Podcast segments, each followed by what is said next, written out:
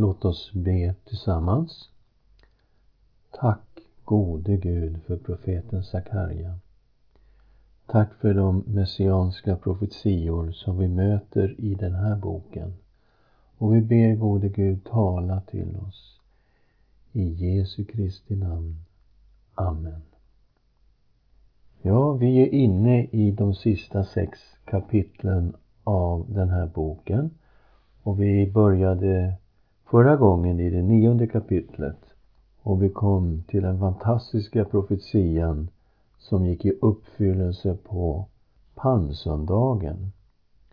Och vi ska nu gå vidare med någonting som vi har kallat för befrielse genom förbundsblodet. Kapitel 9, vers 11 till 17. Men vi ska notera hur det här ligger direkt kopplat till den starka messianska profetian som vi tittade på förra gången. Så vi läser från vers 9 till vers 12. Fröjda dig stort, dotter Sion. Jubla, dotter Jerusalem. Se, din kung kommer till dig. Rättfärdig och segerrik är han. Han kommer ödmjuk, ridande på en åsna, på en åsninnas föl. Jag ska ta bort vagnar ur Efraim och hästar ur Jerusalem. Stridens bågar ska bort och han ska tala frid till hedna folken. Hans välde ska nå från hav till hav och från floden till jordens ändar. Och för dig ska jag på grund av ditt förbundsblod befria dina fångar från den vattenlösa hålan. Vänd åter till ett fäste, ni fångar som har ett hopp. Ja, idag förkunnar jag för er att jag ska ge er dubbelt igen. Så Herren lovade befrielse för de fångna från en hopplös situation. Och befrielsen, den kom på grund av förbundsblodet. Så här stod det ju i vers 11. Och för dig ska jag på grund av ditt förbundsblod befria dina fångar från den vattenlösa hålan. Herren skulle ju inte bara befria fångarna utan han skulle även välsigna dem rikligen. Och säkert finns det en koppling tillbaka till förbundsblodet när Gud gjorde ett förbund med Israel på Moses tid som vi kan läsa i Andra Mosebok kapitel 24, vers 7 och 8. Han tog förbundsboken, det är alltså Mose, han tog förbundsboken och läste upp den för folket och de sa Allt som Herren har sagt vill vi göra och lyda. Då tog Mose blodet och stänkte på folket och sa Se detta är blodet för det förbund som Herren har slutit med er i enlighet med alla dessa ord. Och det var så på den tiden att när man gjorde ett förbund så fanns det ett förbundsoffer. Och det här förbundsoffret det innebar att villkoren i förbundet nu gällde. Men det här med förbundsblodet, det stämmer också rakt in på profetiorna om Herrens tjänare. Han som skulle bli ett nytt förbund och befria fångar ur totalt mörker. Vi har redan sagt att Herrens tjänare är helt central i den andra delen av Jesajas bok. Och i det första messianska avsnittet om Herrens tjänare läser vi Jesaja 42, vers 6 och 7. Jag, Herren, har kallat dig i rättfärdighet. Det är alltså vad Herren säger till tjänaren. Jag ska hålla dig i handen. Jag ska bevara dig och göra dig till ett förbund för folket, till ett ljus för hedna folken, för att du ska öppna blinda ögon och föra fångar ut ur fängelset, ur fångenskapen, dem som sitter i mörker. Och när Jesus började sin verksamhet så gick han ju ledd av anden till synagogan i Nasaret.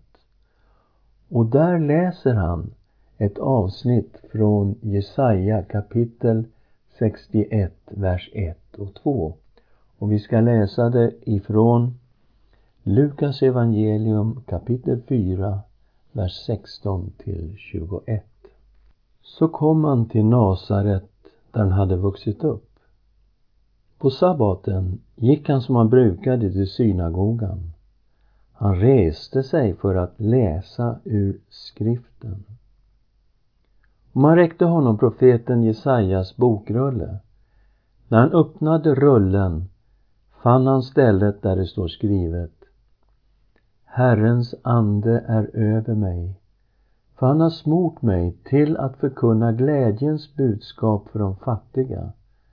Han har sänt mig att utropa frihet för de fångna och syn för de blinda, att ge de förtryckta frihet och förkunna ett nådens år från Herren. Sedan rullade han ihop bokrullen, räckte den till tjänaren och satte sig. Alla i synagogan hade sina ögon fästa på honom. Då började han tala till dem. Idag har det här stället i skriften gått i uppfyllelse inför er som lyssnar. Och vi vet ju att det blev ett rabalder där i synagogan. För alla visste att det här var en messiansk text som handlade om Messias. Och Jesus gjorde anspråk på att just den här texten har gått i uppfyllelse i honom. När Jesus instiftade nattvarden så talade han om sitt blod som förbundsblodet. Och vi kommer ihåg här nu i Sakarja 9 och 11 så stod det just och för dig ska jag på grund av ditt förbundsblod befria dina fångar från den vattenlösa hålan. Och vi ska läsa Matteus 26, vers 26 till 28. Medan de åt tog Jesus ett bröd, tackade Gud, bröt det och gav åt lärjungarna och sa Tag och ät, detta är min kropp. Och han tog en bägare, tackade Gud och gav åt dem och sa Drick av den alla. Detta är mitt blod, förbundsblodet, som blir utgjutet för många till syndernas förlåtelse. När Paulus undervisade om nattvarden så citerade han Jesus som sa Denna bägare är det nya förbundet i mitt blod. Det är första Korinthierbrevet 11, vers 25. Och i Hebreerbrevet så ser vi att Kristus som vår överstepräst har offrat sig själv och vunnit en evig befrielse för alla som tror på honom. Vi ska läsa Hebreerbrevet kapitel 9, vers 11 till 15. Men nu har Kristus kommit som överste präst för det goda som skulle komma. Genom det större och fullkomligare tabernaklet som inte är gjort av människohand och alltså inte tillhör den här skapelsen gick han in i det allra heligaste. En gång för alla inte med bockars och kalvars blod utan med sitt eget blod och vann en evig återlösning. Och återlösning är ett lite svårt ord, men man kan säga att det har med befrielse att göra. En evig befrielse.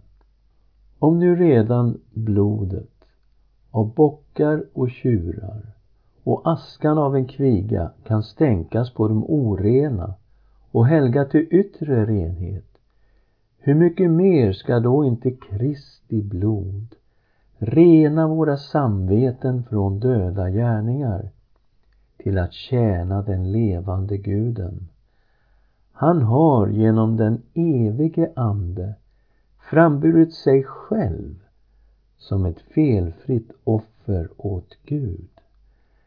Därför är Kristus medlare för ett nytt förbund, för att de som är kallade ska få det utlovade eviga arvet när han nu med sin död har friköpt oss från överträdelserna under det förra förbundet.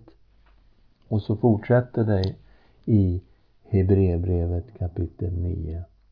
Men vi förstår ju här att Jesu offer var ett förbundsoffer och att det är genom hans offer, hans blod, som han har vunnit en evig återlösning åt oss och han har friköpt oss från överträdelserna. Så går vi tillbaks till Sakarja kapitel 9 och vi ser att det handlar om seger och välsignelse, vers 13 till 17.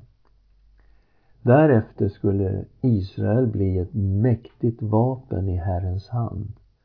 Och han skulle besegra Grekland som det står i kapitel 9, vers 13. Vi vet inte riktigt vilken situation som avses. En del har velat säga att det här syftar nog på 160-talet före Kristus under Makabeertiden. Under alla avseenden lovade Herren seger och välsignelse till sitt folk. Så när vi i den här messianska texten som vi har läst i Sakarja också läser om fångar som ska befrias på grund av förbundsblodet, ja då ser vi ju att allt det här har blivit uppfyllt i Jesus Kristus. Låt oss be tillsammans. Tack Herre för ditt underbara ord. Tack Herre för ditt offer som var ett förbundsoffer. Att ditt blod var ett förbundsblod. Och att alla de här fantastiska löftena som fanns om det nya förbundet nu gällde efter ditt förbundsoffer. Tack Herre att du har vunnit en befrielse för oss, syndernas förlåtelse och ett evigt liv tillsammans med dig. Vi prisar och tackar dig för vad du har gjort för oss. I Jesu Kristi namn. Amen.